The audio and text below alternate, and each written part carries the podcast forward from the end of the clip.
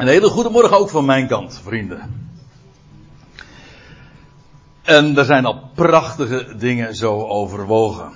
Er werd zo in het gebed uitgesproken dat ik het woord van God zo mag eh, uitdragen of prediken. Dat is ook zo, je doet de Bijbel open, maar als je deze dingen dan overlegt uh, bij het licht van de schrift, zoals Dirk dat zojuist heeft gedaan, uh, ziet de glorie van de, van de natuur en, en wat God daarin te zeggen heeft, dat is geweldig. Dus eigenlijk eh, zet ik de, het doorgeven van het woord gewoon door.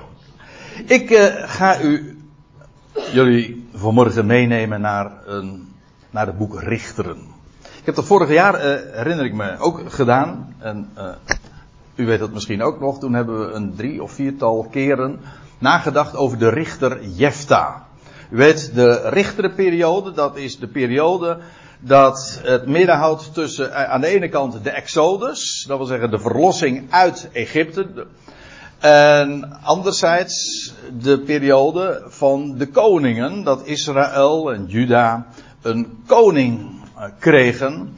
Namelijk uiteindelijk de definitieve dynastie, die van David. En de richterenperiode ligt daar zo tussen. De verlossing, laat ik het zo zeggen, en dat bedoel ik ook dubbelzinnig. De verlossing was al tot stand gebracht, maar het koninkrijk was nog niet gevestigd. En als ik het zo formuleer, dan zie je eigenlijk ook in, in één oogopslag al dat het boek Richteren een, een uitbeelding is van de tijd van de verborgenheid, waarin weliswaar de verlossing tot stand gebracht is, maar het koninkrijk, ja, dat moet nog gevestigd worden. En dat zie je op allerlei wijzen in al die richteren die het boek telt. Uh, het boek Richteren verhaalt van twaalf richters. En Gideon is daar dus één van. Tenminste, uh, ja, ja, één van in ieder geval. Waarvan we ook een hele uitgebreide beschrijving vinden. Zoals bijvoorbeeld dus ook van Jefta en, nou ja, de allerbekendste wellicht is dan Simson. En ik neem u mee naar Richter 6. En ik heb erbij gezet de, dat het de eerste studie daarover is. Want ja, er volgen uh, nog weer een aantal studies. Hoeveel weet ik niet precies, maar uh, het zijn een paar hoofdstukken. En soms zelfs hele lange hoofdstukken die deze geschiedenis vermelden. En vanmorgen gaan we naar Richter 6. En daar vinden we de geschiedenis beschreven dat Gideon geroepen wordt. En ook uh, de directe aanleiding daartoe. En feitelijk, wat je in het boek Richteren ziet, is een telkens weerkerend refrein. Waar trouwens de schrijver meteen ook in de aanvang van het boek al op wijst. Dat het eigenlijk een, een heel cyclisch gebeuren is. Telkens weer zie je het fenomeen dat uh, Israël na verloop van tijd afwijkt van haar God. En dan andere goden gaat navolgen. En zoals God dat ook had aangezegd, als jullie dat doen, dan, dan komen er vreemde overheersers. En die gaan het jullie moeilijk maken. En uiteindelijk in de grote moeilijkheden, dan, dan, dan roepen ze weer tot hun God, die hen dan ook daadwerkelijk uitredt. En hen een verlosser geeft, die hen vervolgens dan ook gaat richten. Dat is iedere keer weer het, het, het patroon van wat je in dit boek uh, ziet. Nou, laten we, want ik heb een heleboel dia's en ik weet niet of ik het helemaal afgerond krijg. Ik ga mijn best doen, dus we gaan, uh, we gaan een beetje voortmaken. Uh, en we beginnen dan te lezen in vers 1 van Richter 6. En de zonen van Israël, u weet, dit is een letterlijke, een tamelijk letterlijke weergave. En dat zie je dan terug ook in die interlineair die je hier, hieronder ziet. U moet dan vooral letten op die tweede regel, want dat is de correcte en de, of de meest, meest letterlijke. En die grijze, licht getinte tekst, dat is dan de wijze zoals de MBG-vertaling dat heeft weergegeven. En de zonen van Israël staat er dan, die deden wat kwaad is in de ogen van Yahweh. En dat betekent in de praktijk dat zij gingen weer over tot het vereren van de goden van het land. En dan staat er, ik zei het zojuist al, dat is dat patroon, dat is die, die, dat telkens weerkerende verhaal. En hij gaf hen in de hand van Midian. Dat hadden we ook al eerder over gelezen. Midian, uh, dat uh, was een van, en dat is heel uh, ja, eigenaardig als je dat dan terugleest. Feitelijk zijn het ja, de volkeren van de aarde, die gaan allemaal terug ja, tot een stamvader. En ja, die, dat is allemaal na de vloed van, in de dagen van Noach heeft dat zijn beslag gekregen. Je vindt ook de volkeren tafels. Maar dat zijn eigenlijk uit de kluiten gewassen families. Het begon ooit met een stamvader en die familie breidde zich uit. En nou ja, die stammen die zijn zo overal heen gegaan. En dus de, dat volk van Midian, wel, uh, zij stammen af van Midian. Daarmee dus zo. Of de Midianieten. Uh, hij, en die Midian was een van de zonen van Abraham. En, en Ketura. Dat is wat minder bekend, dat verhaal, maar vader Abraham had. Ja, precies, zeven zonen. Dat is ook zo. In Genesis 25, vers 2, uh, lees je inderdaad dat die naam vermeld wordt. En Midian die kreeg uiteindelijk het gebied waarheen later ook uh, Mozes ging, toen hij op de vlucht was voor Farao. En om even een idee te geven, dit is het gebied zeg maar ten noordoosten van de golf van Eilat of van Akaba, zoals dat heet. Daar is Midian. En daar kwamen ze dus vandaan. Dat betekent dus dat ze flink naar het noorden zijn doorgestoten. En dan lees je, en de hand van Midian die werd sterk op Israël. Of staat er dan elders, of uh, een andere vertaling, die, de, de hand van Midian drukte zwaar op Israël. Met andere woorden, eh, zoals de MBG zegt, ze kregen de overhand. Dat is uh, mooi gezegd dan. En dat was trouwens ook voorzegd. In bijvoorbeeld Leviticus 26 vers 17, dan staat er ook dat als inderdaad God, als het volk dat zou doen, dan, dan zou het uh, geheide gevolg daarvan ook zijn, ik zal mijn aangezicht dan tegen u keren, zodat u voor uw, vijand, door, uh, voor uw vijanden geslagen zult worden. Nou, dat ondervond Israël hier opnieuw. En dan staat er, en vanwege Midian maakten de zonen van Israël uh, voor zich holen in de bergen en de spelonken en vestingen. Dat wil zeggen schuilplaatsen waar ze veilig waren. Want de Midianieten die drukten, nou dat was het begin van de zin. De hand van Midian drukte zwaar op hen. Zodat ze dus echt ja, uh, nergens veilig waren en zich schuil moesten houden. Vandaar dus die holen en de spelonken en vestingen. En staat er dan, en wanneer Israël had een voorbeeld over dat, die zware hand die op hen drukte. En wanneer Israël had gezaaid, zo kwam Midian en Amalek op, de, nog, een, nog een broedervolk feitelijk. En, en, trouwens ook nog de zonen van het oosten, die kwamen ook op. Dat wil zeggen, dat waren nog weer oostelijker gelegen stammen. En die Amalek, dat was ook uh, familie. Ja, uiteindelijk, laten we wel wezen, de hele mensheid is familie. We hebben allemaal één stamvader, Adam, maar je kan nog pakweg 15, 1600 jaar eerder of verder gaan. En dan kom je bij Noach uit. En, en zo is dat in een aantal eeuwen tijd is dat enorm in menigte uitgebreid. En Amalek, dat was weer de kleinzoon van Esau. Zo weten wij. Ik heb hier even, ik geef altijd eventjes de tekstverwijzingen erbij, want dan kunt u dat zo nalezen.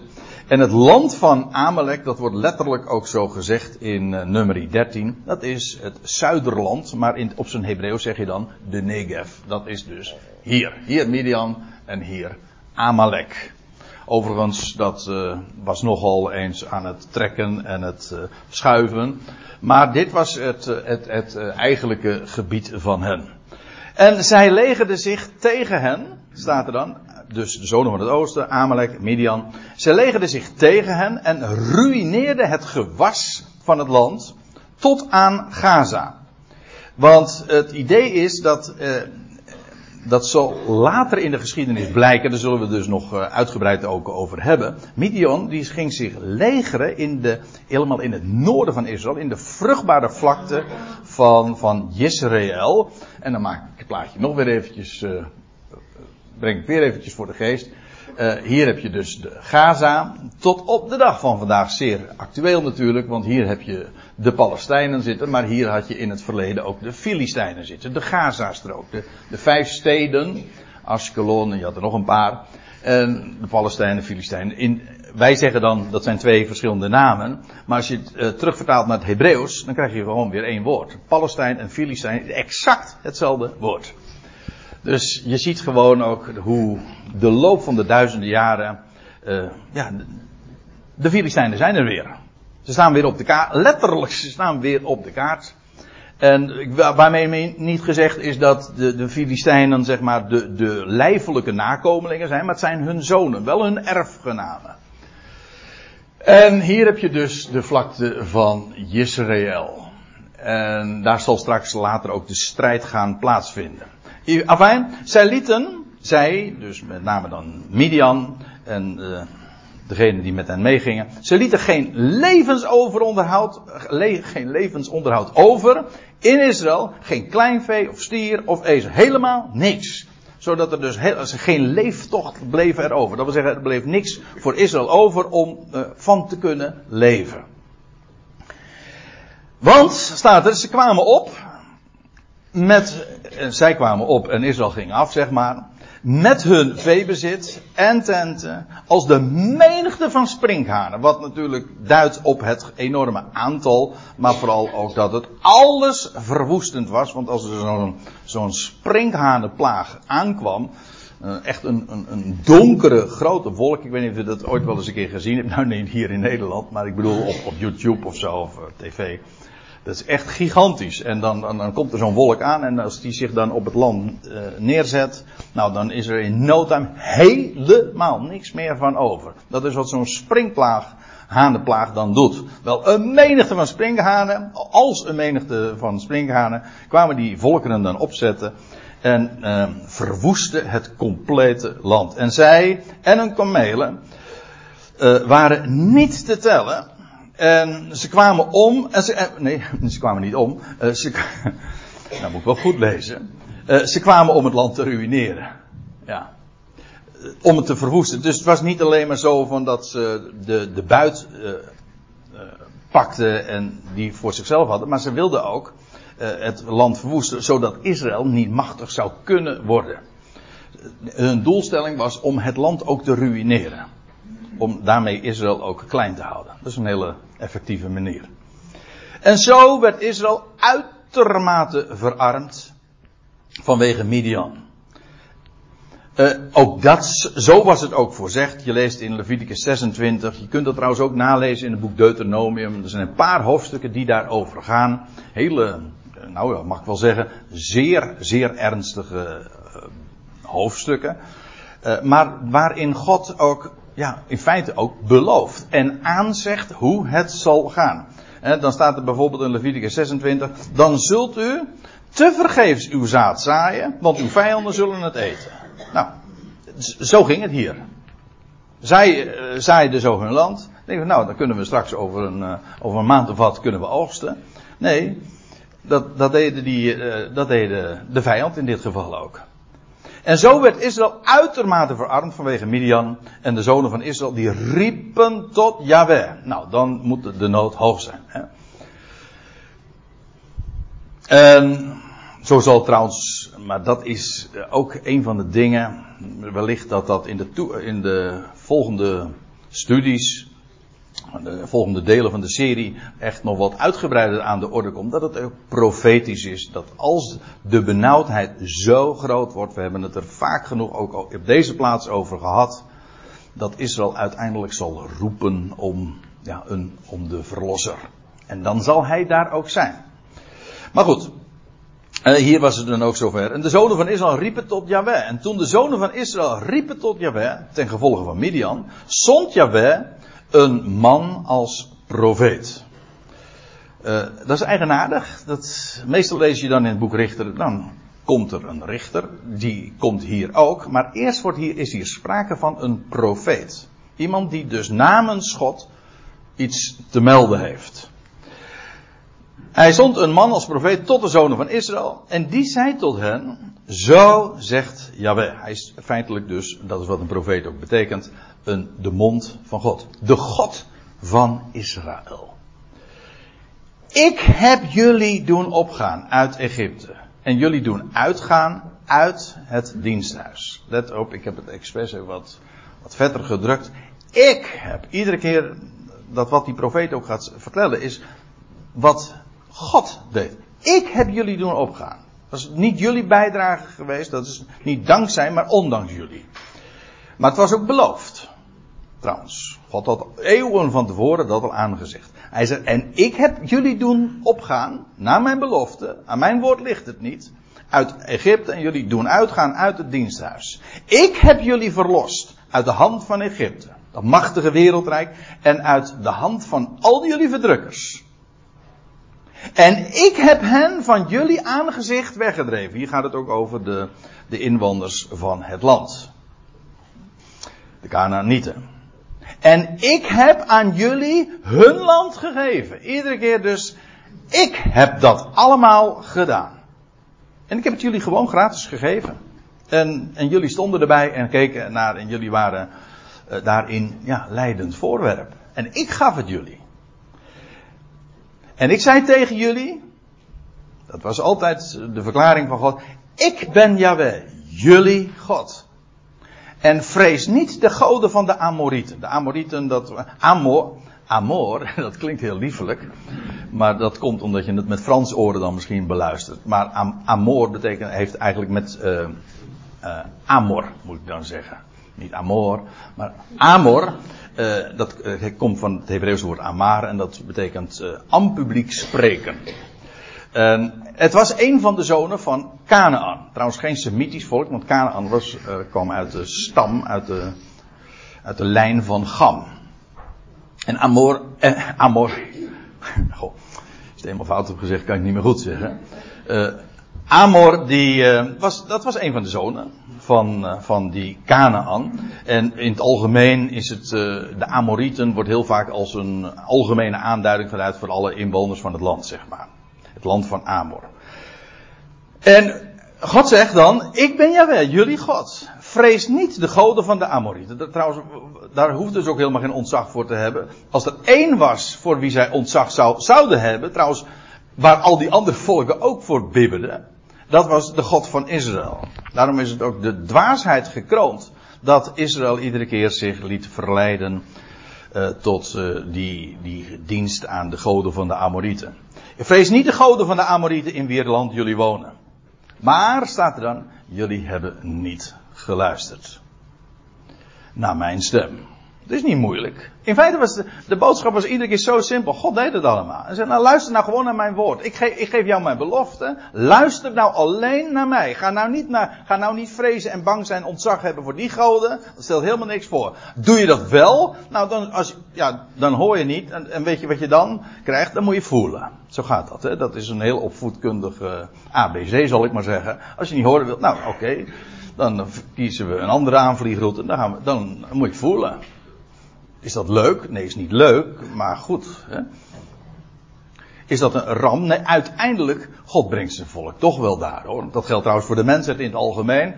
Ook als ze niet wil, uh, niet wil horen, uiteindelijk kom je er toch wel achter. Alleen de mens kiest altijd, eventjes vanuit een menselijk standpunt dan bekeken, altijd doet zo ingewikkeld. Hij doet zo verschrikkelijk moeilijk. Dus echt, dat is, er zijn die waarheden die zijn zo vanzelfsprekend. Als je eenmaal het gezonde uitgangspunt hebt en van één God, ja, er is één God die alles een plek geeft. Dan wordt het leven, ja, sorry dat ik het zeg, maar misschien vinden andere mensen dat uh, gemakzuchtig. Maar dan wordt het zo simpel eigenlijk allemaal. Zelfs akelig simpel. Zo simpel. Maar, ja, maar de mens zou de mens niet zijn als die het niet graag moeilijk doet. Hè? Want u weet het, problemen houden van mensen, haal ze in huis. Dat was het toch? Oh nee, dat was bloemen. dat. En, nou ja, zo ging het dus met Israël ook. En toen kwam een boodschapper. Uh, ja, dus die profeet, eigenlijk, je leest ook niet wat de reactie van het volk is, maar God heeft een profeet gezonden, een man, en nou, die heeft dat gezegd. En jullie hebben niet geluisterd naar mijn stem, zo van, vandaar dus de situatie. Jullie hebben niet luisteren, prima, nou dan voelen we het. En dan, vervolgens staat er, toen kwam een boodschapper van Jahweh, een engel des, of de engel des Heeren, nou is dat eigenlijk gewoon niet eens een bepaald lidwoord. toen kwam een boodschapper van Jahweh. Iemand die Yahweh representeert. Want u weet, niemand heeft ooit God gezien, maar God maakt, drukt zich uit en hij, hij stuurt vertegenwoordigers, zij representanten. En in feite, waar, en dat zie je ook in deze geschiedenis heel sterk, dat degene die de boodschap doorgeeft, die spreekt namens God en wordt zelfs geïdentificeerd met God. Dat kan wat lastig soms zijn, want dan kom je bij de vraag van, uh, maar is die nou God of is die nou niet God? Dat is een, uh, een uh, nou ja, als je de hele christelijke dogmatiek zeg maar eventjes helemaal naar, terugdraait naar het begin, de, nou ja, ik bedoel ergens naar de derde, vierde eeuw, toen ging het ook al daarover. Jezus Christus, is hij nou God of niet? En dan sloegen ze elkaar echt de hersenen in daarover. Het antwoord is namelijk ja en nee. Maar dan moet je wel weten wat beeldspraak is. En dan is het probleem in één keer verdwenen. Dus eigenlijk, het is eigenlijk helemaal geen, geen, geen theologische kwestie. Het is een semantische kwestie. Het is een taalkwestie. Je moet gewoon een stijlfiguur als beeldspraak kennen. Nou ja. Uh, die boodschapper van Yahweh. Uh, toen kwam een boodschapper van Yahweh en hij zette zich onder de eik die in Ofra is eik. Ja, dat dan komen we op mooi terrein. Want dat is een mooi onderwerp hoor. De eik. Want de eik in de Bijbel.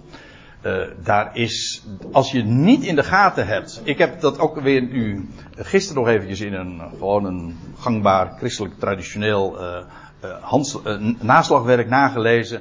En wat er dan over, over, over zulke dingen gezegd wordt, ja, dat was cultisch de, bij, bij, de afgoden, waar de eik zo'n belangrijke plaats uh, in innam.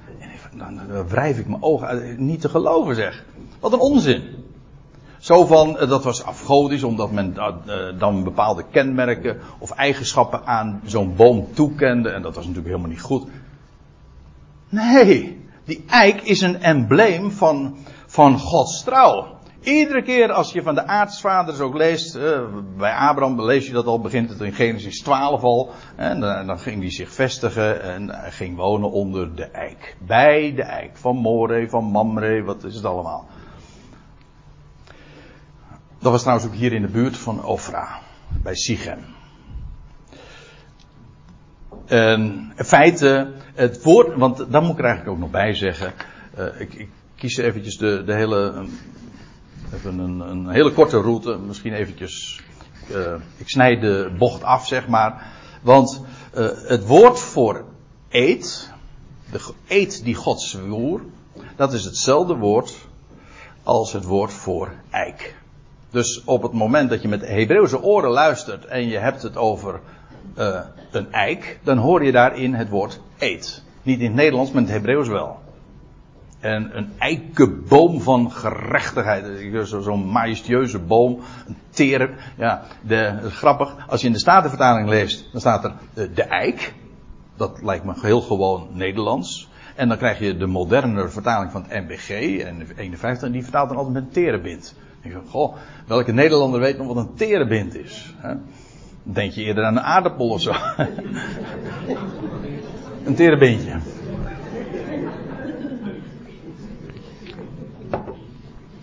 Nee, maar uh, die. En dat is dan ook nog het punt. Uh, want het verhaal blijft daar niet. Uh, daarom vind ik het ook zo belangrijk om eik te zeggen. Want dan zie je ook meteen de connectie met de vrucht die het oplevert.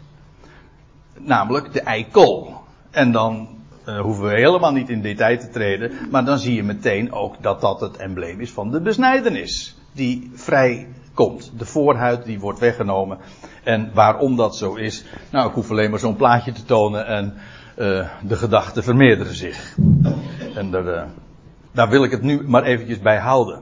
Hij zet, afijn, die boodschapper die heeft iets te melden en eigenlijk het loutere feit dat hij zich daar zet, ging zitten onder de eik, uh, dat is een boodschap op zich. Eigenlijk herinnert dat, hij gaat daar zitten, hij neemt rust, bij God die ooit zijn eed gezworen heeft. Want God belooft niet alleen maar, maar bij, een, bij sommige gelegenheden zweert hij zelfs. Bij de hoogste naam die er is, en dat is bij zichzelf dus. Afijn, hij ging daar, hij zette zich onder die eik, die boodschapper, die in Ofra is. Ofra, dat is een plaats in Manasse, bij Sichem, weten we. En daar bij Sichem speelde eiken heel vaak een rol. En ik heb hier een paar voorbeelden gegeven. En allemaal gaat het hier over eiken daar in die omgeving. Er waren echt wel meer dan één. Maar in ieder geval, ja, Ofra zelf. Het is een, een bekende, nou in Amerika in ieder geval een bekende meisjesnaam, nietwaar? Je kan er, je kan er tv-presentator TV mee worden. En, maar het betekent stof. Zij heeft heel veel stof tot, tot spreken. Ja. En geeft stof tot nadenken. Maar het is ook een heleboel puin, dat moet ik er ook bij zeggen. Uh, maar dat wat of, offra betekent. Stof, puin. En daar waar, waar stof en puin is, daar heeft. Dat, vind, dat is dan de gedachte die ik heb. Waar de mensen er een puinzooi van maken. Eventjes, uh, zeg, ik zeg het nu even plat. Uh, waar de mensen er een puinzooi van maakt, dan is daar altijd die eet. Hè, die eik. Daar, die eik in Ofra. Daar kun je van op aan. En die boodschapper die kwam daar, dan zette zich onder de eik die in Ofra is, die aan Joas toebehoorde. Dat wil zeggen die eik. De, waaruit trouwens al volgt inderdaad dat die eik niet zomaar een boompje is in de tuin. Nee, nee dat is een, daar zit een heel verhaal aan vast. Joas, dat betekent, ik ken uh, heel goed in, in Piet klinkt dagelijks de naam van Boas. En Boas betekent in hem is kracht. Joas betekent Yahweh. Dus de, het eerste deel van de naam van God. Yahweh is krachtig of is sterk. En dat was de vader dus van die Gideon. En het was een Abiezeriet. Een Abiezer, dat betekent mijn vader is een hulp. Of mijn vader helpt. En dat was dus eigenlijk ook weer een, een clan, een, een familienaam. En terwijl Gideon, dat is leuk, maar Gideon, dat is denk ik niet zo bekend, maar Gideon betekent letterlijk houthakker.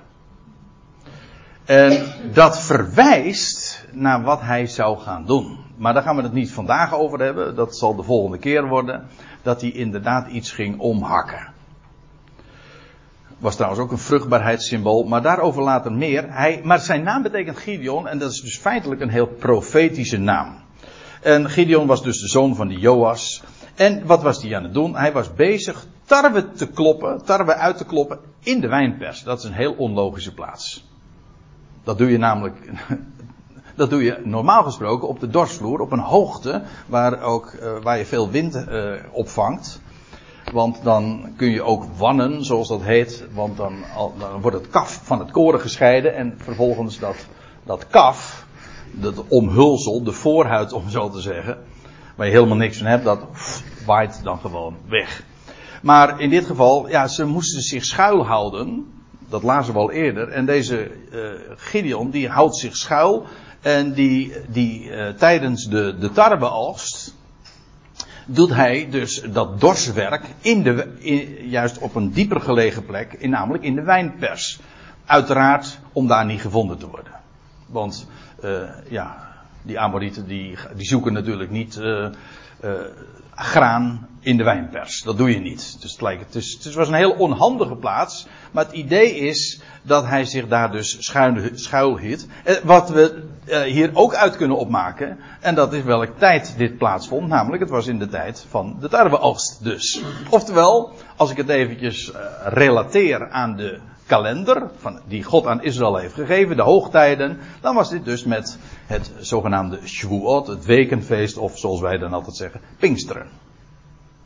En dat spreekt, laat ik dat dan ook zeggen. Ik had het net over het boek Richteren, dat het eigenlijk tussen de verlossing en het koninkrijk in ligt feitelijk is dat ook de gedachte bij Pinksteren. Want je hebt twee groepen feesten. In de eerste maand en de zevende maand. De eerste maand spreekt van de eerste komst van Christus. De, de feesten, de hoogtijden in de zevende maand spreken van de, de terugkeer van Christus. En er is één feest, één hoogtijd dat daar tussen ligt. Vijftig dagen later, Pinksteren, zeven weken van weken. En dat, is, uh, en dat spreekt ja, typologisch ligt dat dan zo voor de hand. Dat spreekt over dat werk dat God doet tussen de eerste en de tweede komst in. Dus eigenlijk weer dezelfde gedachte die parallel loopt met die van de richteren. Hebt u hem nog? Ja, oké. Daar spreekt dat van. Dus hij, uh, die, die wijnpers dient dus eigenlijk als dorsvloer. Hou me even vast, want over de dorsvloer gaan we het ook de volgende keer hebben. Want daar is een heel mooi verhaal over. Uiteindelijk misschien wel een van de bekendste geschiedenis, of een van de bekendste gegevens over Gideon, is dat hij ooit zoiets bijzonders meemaakte op de dorsvloer. Dat hij een velletje van een lam nam, het lamsvel, en daarop legde. Nou, daar gaan we het de volgende keer over hebben. Dus ik, daar wil ik het nu ook even bij laten. Hij was, hij was in ieder geval bezig. Uh, als, die, als die boodschapper komt. Hij was bezig tarwe uit te kloppen in de wijnpers. Dat is een zware klus. En waarom? Oh ja, daar moet ik er ook nog even bij zeggen. Die dorsvloer en de wijnpers uh, verwijzen typologisch inderdaad naar Sion. Want eigenlijk is het zo dat ja, in, in, bij de dorsvloer dan verkrijg je graan, brood. Bij de wijnpers verkrijg je wijn. Dus uiteindelijk gaat het over brood en wijn. Ja, en waar dat van spreekt, nou van heel veel. Maar in ieder geval ook van het, uh, van het brood des levens en ook wijn als embleem van de overwinning op de dood. Legai, weet je wel, dat wat uit de wijnkelder komt, uit de diepte, en van vreugde spreekt. Overwinning op de dood. Feitelijk, zowel die, die dorstvloer als de wijnpers spreken van nieuw leven. En ik zeg het er even bij, want straks zullen we dat ook echt zien. Uh, wat concreter. Uh, om die waarom was hij dat aan het doen? In de wijnpers, nou dat staat er hier ook bij, om die in veiligheid te stellen. Uit, uit het aangezicht van Midian, zodat zij dat niet zouden zien. Toen verscheen de boodschapper van Yahweh aan hem en zei, het, en zei tegen hem, Gideon, Yahweh is met jou, dappere held. Dat is maar geen wens. Nee, het is in feite een vaststelling. Hè? Yahweh is met jou. Hoezo? Wel, God zegt het. Daarom. Hij is met jou. En hoezo dappere held? Wel, dat, ga jij, dat gaat die God, die Yahweh, van jou maken. En dus, je kunt natuurlijk altijd verdedigen. Ja, maar die, die Gideon, dat was al een mannetje sputter. En die, eh, die, die kon er al wat van. Ja, dat zal wel. Maar dat hij een dappere held is, dat is omdat wat God van hem gaat maken. Dus, uh, maar feitelijk is dit al een voorzegging. Yahweh is met jou. Dat is nu zo. En jij bent een dappere held. God definieert hiermee feitelijk zijn persoonlijkheid. Dat is, uh, dat is een, heel, hele goede, goed idee. Om je, je, je identiteit niet zeg maar te ontlenen aan wat men van je eh, vindt. Of wat je zelf denkt dat je bent. Of hoe je je voelt. Hele, is heel populair. We hebben van de week nog hele. Ik zie Petra al lachen. We hebben hele gesprekken gehad. Uh, hoe mensen zich gigantisch in de nesten kunnen werken. Doordat ze, ja, ze zijn op zoek naar zichzelf. Uh, dat heeft altijd. Ik, uh, ja, je, je moet, als mensen dat in alle ernst zeggen en dat in, in tranen, dan moet je natuurlijk ernstig blijven.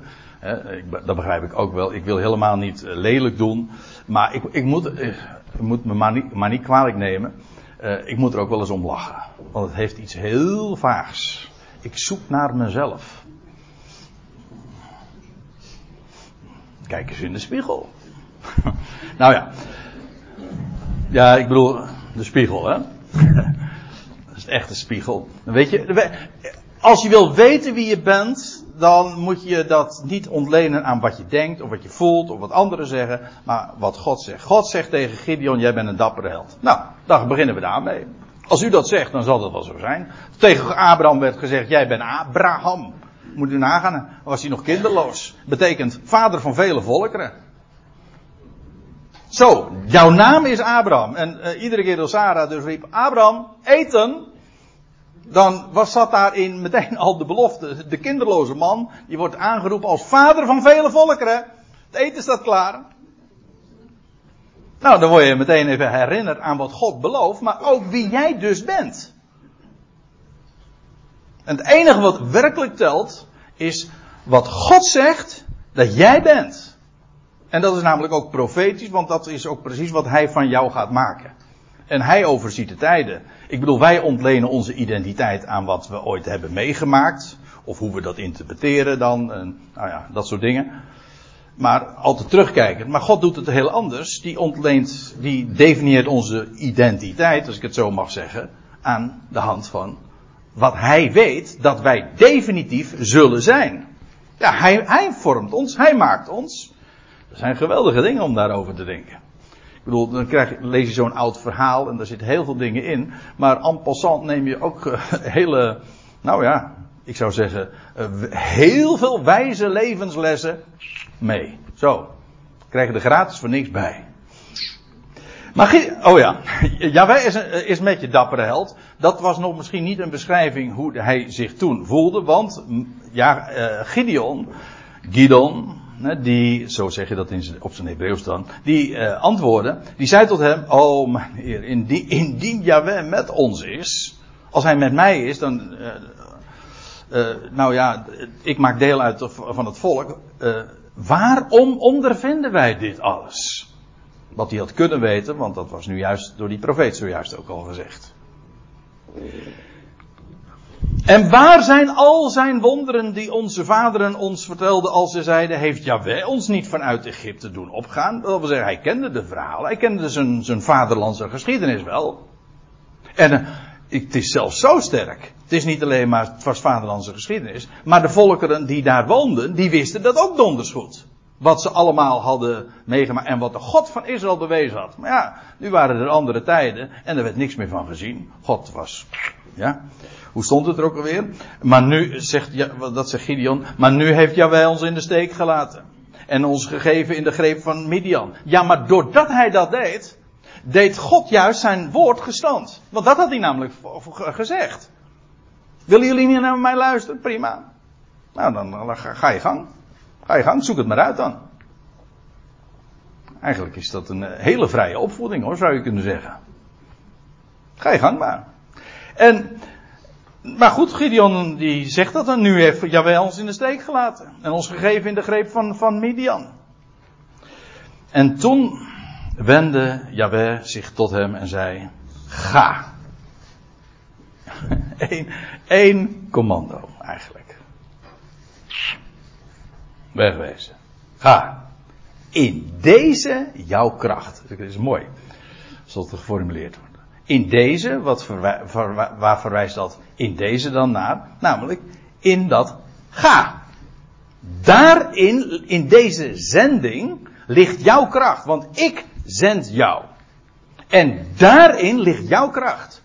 Gods woord is nooit zomaar een ja, dat is mensenwoord. Hè? Mensen, nou ja, mijn broer Dirk zei het al. Mensen leuteren maar wat. Dat heeft geen kracht, dat, daar kun je niet op staan, daar kun je niet op bouwen. Uh, je raakt daar de weg van kwijt. Uh, maar Gods woord heeft werkelijk kracht, is power, geeft wijsheid, geeft zicht. En, en God zegt, ga. Jij bent een dappere, God is met je. En en daarin ligt jouw kracht. En jij zult Israël redden. Dat betekent natuurlijk niet jij moet. Zo wordt gij zult altijd opgevat. Maar het betekent gewoon, jij gaat Israël redden. Uit de greep van Midian. Zend ik jou niet. Je moet de nadruk, het accent goed leggen. En dat, ligt hier in dit geval op, uiteraard, ik. Zend ik jou niet. Ik zeg, ga. En daarin ligt jouw kracht. Want ik zend jou. Dat is meer dan genoeg. Zeg gewoon één woord. En daarin ligt nou alle kracht. Dat is geweldig. En hij zei, en hij zei tot hem, eh, dat wil zeggen nu antwoord vervolgens in deze conversatie Gideon weer naar die boodschapper toe. Hij zei tot hem, oh mijn heer, waarmee of in, letterlijk in wat zal ik Israël redden? Zie, mijn duizend is de armste in Manasse. Uh, moet ik eventjes bijzeggen, want in de, in de staat het ook zo, mijn duizend. In de MBG-vertaling staat er dan mijn geslacht. En eigenlijk het woord duizend, dat is elef. Is eigenlijk hetzelfde woord als ook de eerste letter van het alfabet, alef, de 1. En eigenlijk elef is ook een eenheid op het hoogste niveau. Je hebt een 1, 10, 100, 1000. En dat hoeft niet eens een getal te zijn. Het is gewoon een eenheid. Het kan zo dus ook de betekenis hebben van een clan. Of zoals de MBG dat nu opvat als een, een geslacht. Dat hoeft dus niet een getal te zijn. Dat maakt het uh, soms niet altijd makkelijker, dat geef ik toe. Maar het is gewoon een, een taalkundig gegeven dat duizend niet altijd per se een getal is. Dat uh, heeft nogal wat uh, consequenties, maar daar hebben we het nu niet over. letterlijk staat er hier dus dat die Manas, of Gideon zegt, zie mijn duizend, mijn geslacht, is de armste in Manasse. Hij kwam uit de stam van Manasse. Hij kwam dus, hij was een zoon van Jozef. Hij, hij kwam dus uit de, belangrijkste stam, die het eerst geboorterecht had gekregen. Hij zegt, maar mijn duizend, mijn geslacht, dat is de armste in Manasse. Dat wil zeggen, in de familie, in onze stam, tellen wij nauwelijks mee of niet mee. Nou ja, wat hebben we? Een eik. dat hebben we. Als je, het, uh, als je het goed interpreteert, heb je eigenlijk nog meer dan genoeg. En hij zegt er nog bij, hij zegt, en ik ben de mindere, of de, in de MBG-vertaling zegt dan de jongste, wat dat, uh, dat zal het ongetwijfeld ook betekenen. Hij zegt, ik ben de mindere in het huis van mijn vader. Maar hij zou als een ware Josefiet ook moeten weten dat dat geen bezwaar, echt bezwaar is natuurlijk. Want het eerstgeboorterecht ging juist altijd, per definitie haast, naar de jongeren, de mindere. Degene die het, aan wie het naar de mens niet toe zou komen. Dus hij zegt, ik ben de mindere, de jongste. Ja, nou, ga eventjes terug naar de, je, je geschiedenis, je, je, de oorsprongen. En dan weet je dat dat voor God niet telt. Sterker nog, het is veelzeggend dat God de armste eh, familie en bovendien de minste in het huis. Dus echt, Gideon was eigenlijk de laagste, maar die zocht hij juist uit. Kijk, dat is ook uit verkiezing. God kiest dat uit, waarom? Om zijn kracht te demonstreren. Daar moet je geen krachtig iemand voor hebben, want dan denk je, ja, goh, zo'n sterk figuur, dat is geen kunst. Nee, God kiest de minste uit. Waarom? Om juist daarmee alle krachtige, machtige wijzen allemaal te kijk te zetten. Dat is Gods strategie altijd. Het domste en het meest stupid, of hoe zeg je dat nou, het meest waar, dat, dat, dat is wat hij uitkiest. En, ja, stupid, dat slaat nergens op, maar goed. En Jawel zei tot hem, ik ben met jou. Ik ben met, ja, trouwens, hier zie je die verwisseling. Eerst was de boodschapper van Jawel, en nou staat er, en Jawel zei tot hem. Daarin zie je dus echt dat die boodschapper, God, Jawel, dus echt ook representeert. En Jawel zei tot hem, ik, ik ben met jou. En jij zal Midian verslaan als één man. Dat wil zeggen, in haar geheel. Niet als ware het maar slechts één man, maar gewoon als één man in zijn totaliteit ga jij dat doen. Waarom? Nou, eh, dat zeg ik. Dan mag je mee doen. En toen zei hij tot hem, indien ik nu, hij, Gideon, tot hem, ik zet nu maar met hoofdletter, want ja, hij spreekt namens Jahweh zelf. Indien ik nu je genade vind in uw ogen, zo doe mij een teken. Daar eh, was Gideon gek op, want later gaat hij dat weer vragen. Doe mij een teken. Dat u het bent die met mij spreekt. Ik denk, ik, ja, ik weet niet precies, maar uh, er kwam een boodschapper en hij heeft zich waarschijnlijk heel. Wij denken misschien van, oh, iemand met vleugels of zo, weet ik veel. Maar dat, ik denk dat het gewoon een kerel is, een man die aan hem verscheen. Het was wel heel bijzonder wat hij hem meldde natuurlijk, maar uiterlijk. Uh, het, het loutere feit dat Gideon dit zo zegt, geeft al aan, dat blijkt straks ook wel uit de reactie, dat hij niet zich echt bewust is, gewoon op het eerste gezicht, dat dit echt een bijzondere hemelse verschijning is. Uh, daarom vraagt hij, doe mij een teken dat u het bent die met mij spreekt. Wijk, nou, nou zegt hij iets. Wijk alsjeblieft niet van hier, totdat ik tot u kom. Of, of totdat ik tot u kom en mijn geschenk, eigenlijk een offerande, tot u breng en voor uw aangezicht laat. Gewoon voor je neerzet. En dan krijgt hij de aanzegging. Doet trouwens heel sterk denken aan de, roeping van Simpson. Ja. Dan krijg je een, een soort gelijk verhaal. Dat zie je trouwens ook in Richteren. Heel veel van die geschiedenissen die heel apart, eh, die totaal verschillend zijn. En toch, je ziet dezelfde lijnen iedere keer weer. Hij, die boodschapper, van Jaweh zei, ik zal, ik zal blijven zitten totdat jij terugkomt. En Gideon ging naar binnen en hij bereidde een geitenbokje en ongezuurde broden. Hé, hey, maar dat is toch alleen maar met Pesach? Het was, niet, was geen Pesach, dat zei ik u al. Maar het doet wel denken aan Pascha. Want hij bereidt een bokje. En, het was, en ongezuurde broden. En dat was van een gigantische hoeveelheid, zal ik u vertellen. Want het was een Eva meel. Eva met een F. Is een inhoudsmaat. Dus uh, ik heb me laten vertellen, dat moet een litertje of 30, 40 geweest zijn. Nou, dan kun je een aardig broodje bakken. Hè? Hoe dat precies in elkaar heeft gezet, weet ik niet. Uh, een Eva staat er ergens in Exodus 16, was 10 gomer. Zegt ons natuurlijk nog steeds niks. Uh, maar een gomer dat was in, wat in de kruik ging. Zegt nog niks, want hoe groot is die kruik dan? Maar goed. In ieder geval iets in die orde. Uh, het gaat even, het, het verwijst naar het feest van Pascha. De hoogtij van Pascha. Hij bereidde een geitenbokje, ongezuurde broden van een eva meel. Dus brood dat niet gerezen was. En het vlees deed hij in een, in een mand, in een korf. En het vlees nat in een ketel of een pot. En hij bracht het tot hem. U ziet, ik ga nu even snel, want ik wil, ik wil toch eventjes mijn verhaal maken, uh, afmaken. En hij bracht, en hij bracht hem het tot hem. Dat wil zeggen wat hij klaargemaakt had. Onder de eik. En hij zette het hem voor. Alsjeblieft. En de boodschapper van God zei tot hem. Nu krijgt hij een commando. Of een, een, ja, hij krijgt iets te horen wat hij moet gaan doen. En hij, nou ja, hij heeft zijn werk al gedaan, maar hij zet hem voor. En de, de boodschapper van God, die zei tot hem: Neem het vlees en de ongezuurde broden en leg ze op deze rots. Hier. Deze rots. In het Hebreeuws staat daar het woord Sela. Ja, u denkt, oh, dat is de naam van een gospelgroep. Maar uh, Sela, dat, dat zal wel zo zijn, maar het Hebreeuwse woord betekent gewoon rots. Sela. En als je het op zijn Grieks zegt, dan zeg je Petra.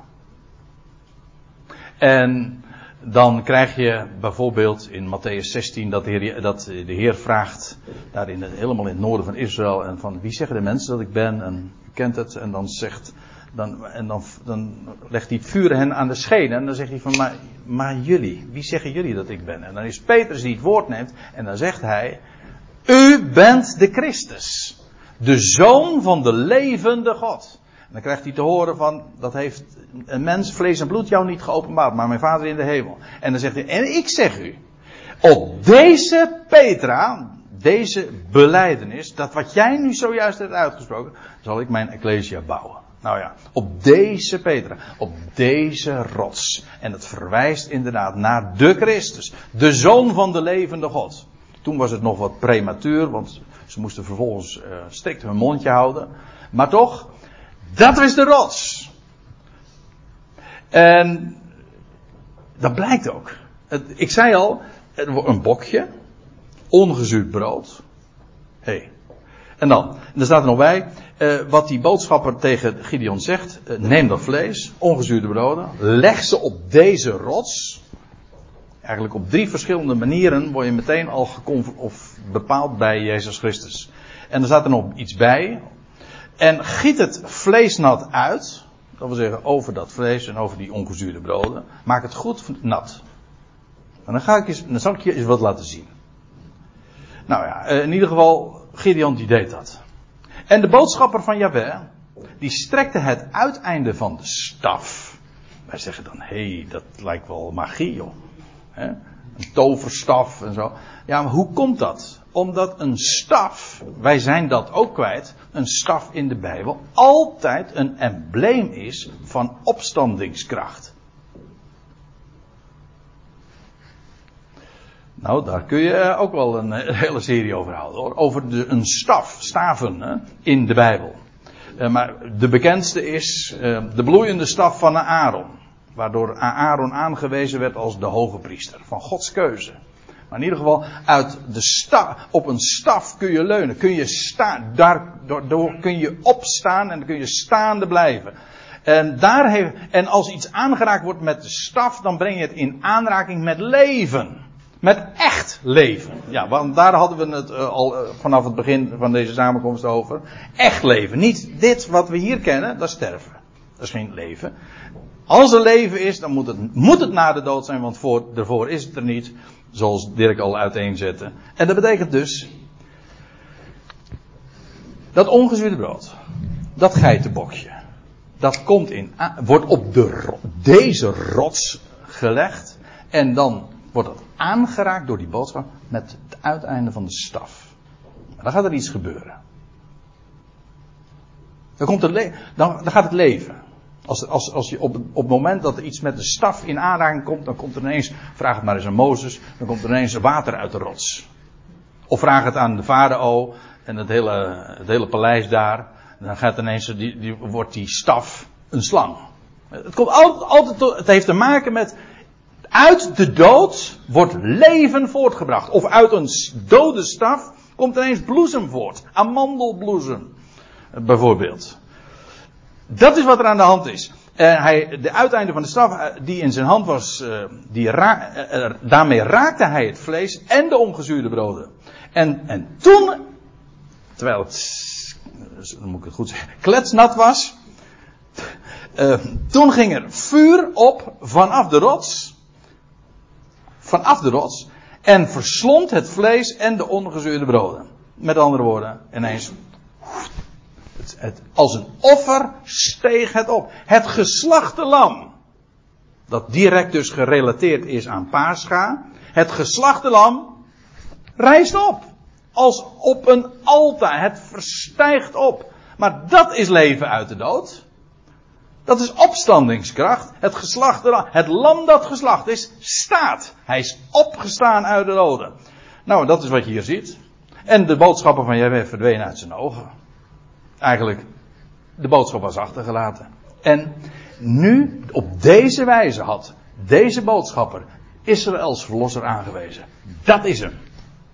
Ja, jij bent het, Gideon. Jij gaat het doen. Maar wie is de verlosser van Israël? Dat is dat, dat is dat lam dat geslacht is en dat door de staf, hè, met de rots, wordt aangeraakt en opstijgt. Nieuw leven. Daar verwijst het naar. Nou ga ik het even heel snel afronden. Toen zag Gideon dat het de boodschapper van Yahweh was. Gideon zei, ach mijn heer Yahweh. Hoezo? Gideon die, die wordt bang en hij zegt daarom dat ik een boodschapper van Yahweh heb gezien. Van aangezicht tot aangezicht. Hij dacht van ja, ik, ik heb God eigenlijk zelf gezien. Ik, dit ga ik niet overleven. Hij is diep onder de indruk van wat hij zojuist heeft waargenomen. Maar Yahweh zei dat hem, vrede zij jou. Vrees niet, je zult niet sterven. hij, heeft juist een op, hij heeft juist het embleem van opstandingsleven gezien.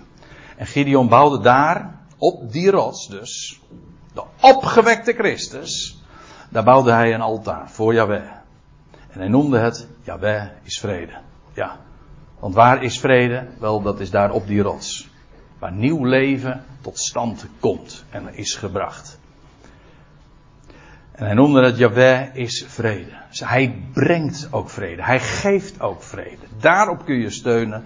En dan staat er nog bij. En, het, en dat is nog zo tot op deze dag toen Richter geschreven werd. In Ofra van de Abiezeriet. Met andere woorden, dat monument is er gebleven. Dat altaar is er gebleven. Altijd herinnert dat altijd nog aan, aan wat God heeft gedaan. En hoe hij Israëls verlosser had aangewezen. Definitief. Leven uit de dood. Dan gaan we de volgende keer. Uh, ja, met deel 2 verder. En dan uh, vervolgen we de geschiedenis, want het wordt nog heel erg boeiend.